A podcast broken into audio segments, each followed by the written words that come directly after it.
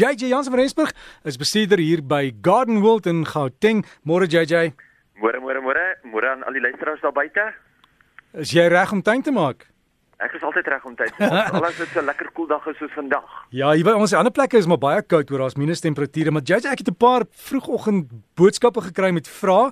Uh, Ja. Iemand uit orgidee wil weet watse grond kan hulle gebruik om te plant. Iemand vra kan jy stegies maak van bougainvilleas en gladiolas wat uh, bolletjies maak of sade, kan jy dit plant? Kan jy dit gebruik? Kom ons begin eers by die ehm um, bougainvilleas. Ja, bougainvilleas Ja. tegnies kan baie baie maklik gemaak word. Ehm um, of wat mense net moet onthou dat jou sukses met bougainvilleas tegnies is omtrent so 30 tot 40%. So maak omtrent 3 tot 4 keer dit wat jy dink wat jy gaan nodig hê op die einde van die dag want ja, hulle vat nie baie maklik nie, so glad nie 'n probleem nie jy kan. Uh wat was die eerste vraag wat jy gevra het?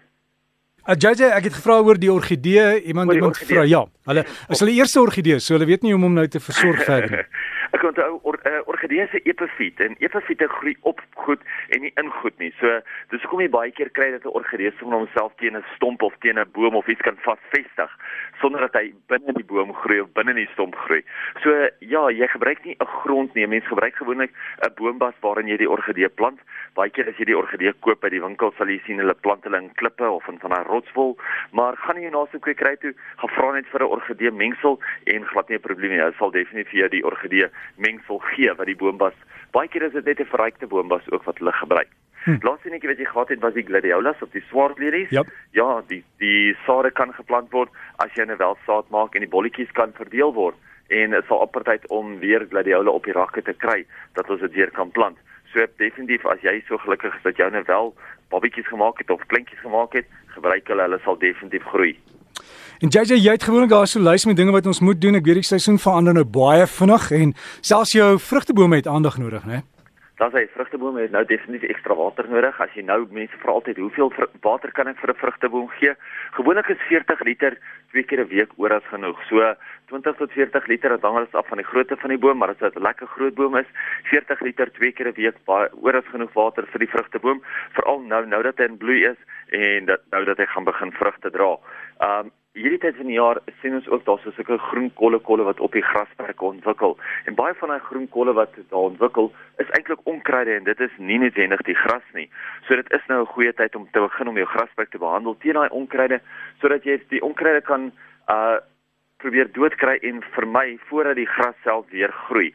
Maar onthou, hierdie tyd van die jaar is ook die beste tyd om 'n bolaag op jou grasperk te gooi. Enige tyd van nou af tot omtrent die einde Oktober werk baie goed. Dit hang alles af van die in- tot die hoeveelheid water wat jy tot jou beskikking het.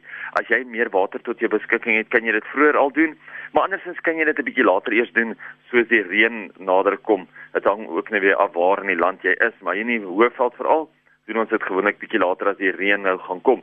Ek self hou nie baie daarvan om elke jaar 'n bolaag te gooi nie, want onthou elke keer as jy 'n bolaag gooi, lig jy jou grasvlak met omtrent 'n duim of so op en elke keer as jy dit lig, dan is dit hoër as die plaveisel op die kante, hoër as die beddings op die rande en ook hoër as die besproeiing. So moenie noodwendig elke jaar 'n bolaag gooi nie. Meeste mense wat um, elke jaar bolaag gooi, sny eintlik die bokant van die grasperk heeltemal weg en haal eintlik van die grond om omtrent af met die grasnet voordat hulle die bolaag gooi en dan weet jy dat jy nie die grasperk elke jaar lig nie. Onthou grasperke soos byvoorbeeld jou vir jou grastipes soos jou kikoejo en jou skaapplaas kan baie goed doen met 'n deklaag. Mense hou daarvan of baie mense hou daarvan om eers 'n kunsmis te gooi, te wag vir hom om eers deur te groei en dan gooi hulle die deklaag op nadat hy begin deurgroei het. Onthou, Elm hou nie van 'n deklaag nie. Hy versmoor ongelukkig baie maklik. So as jy 'n deklaag op jou ilmgras moet gooi, dan kan mense ligte kompos gebruik wat jy fisies tussen die grashalms in in borsel. Onthou mense kan nie dit net bo-oor gooi nie want hy gran, gaan die gras versmoor, maar as jy hom wil inborsel, dan gebruik jy sommer een van daai rubberharke want hy werk baie goed. Baie goeie graswerk be- um kunsmis om eers te gebruik sal eers ietsie soos 'n 321 wees wat lekker hoog is in um fosfate vir wortelontwikkeling. Of ek self hou nogal daarvan om hierdie nuwe organiese bemestingsstowwe te gebruik want hulle het nie so baie water nodig nie en hulle hou ook baie langer gaan kyk bietjie uit by jou naaste kwekery wat is die beste organiese bemestingsstof om te gebruik vra vir hulle wat het hulle deesdae voorraad wat is die nuutste produk om te gebruik ja waar dit nodig is moet jy die gras lekker kort sny jy moet daai mat moet jy breek en ook jy kan 'n tandroller kry om ook die dreinering te verbeter en selfs daai harde kors ook net te breek. So as jy dit alles saam doen, dan behoort jy 'n pragtige grasperk baie binnekort te hê.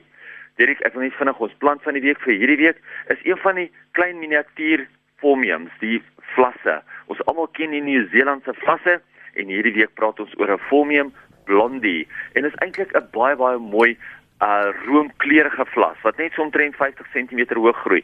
So is regtig een van die kleines en ons almal weet hoe gehard die vlasse is. Ons almal weet hulle is baie waterwys en hulle hou ook van die volson. So as jy 'n bietjie kleur as 'n fillerplant of so in jou bedding soek, maar jy soek iets wat wel waterwys is, gaan kyk uit vir die nuwe vlas. Hy groei omtrent net so kniehoogte.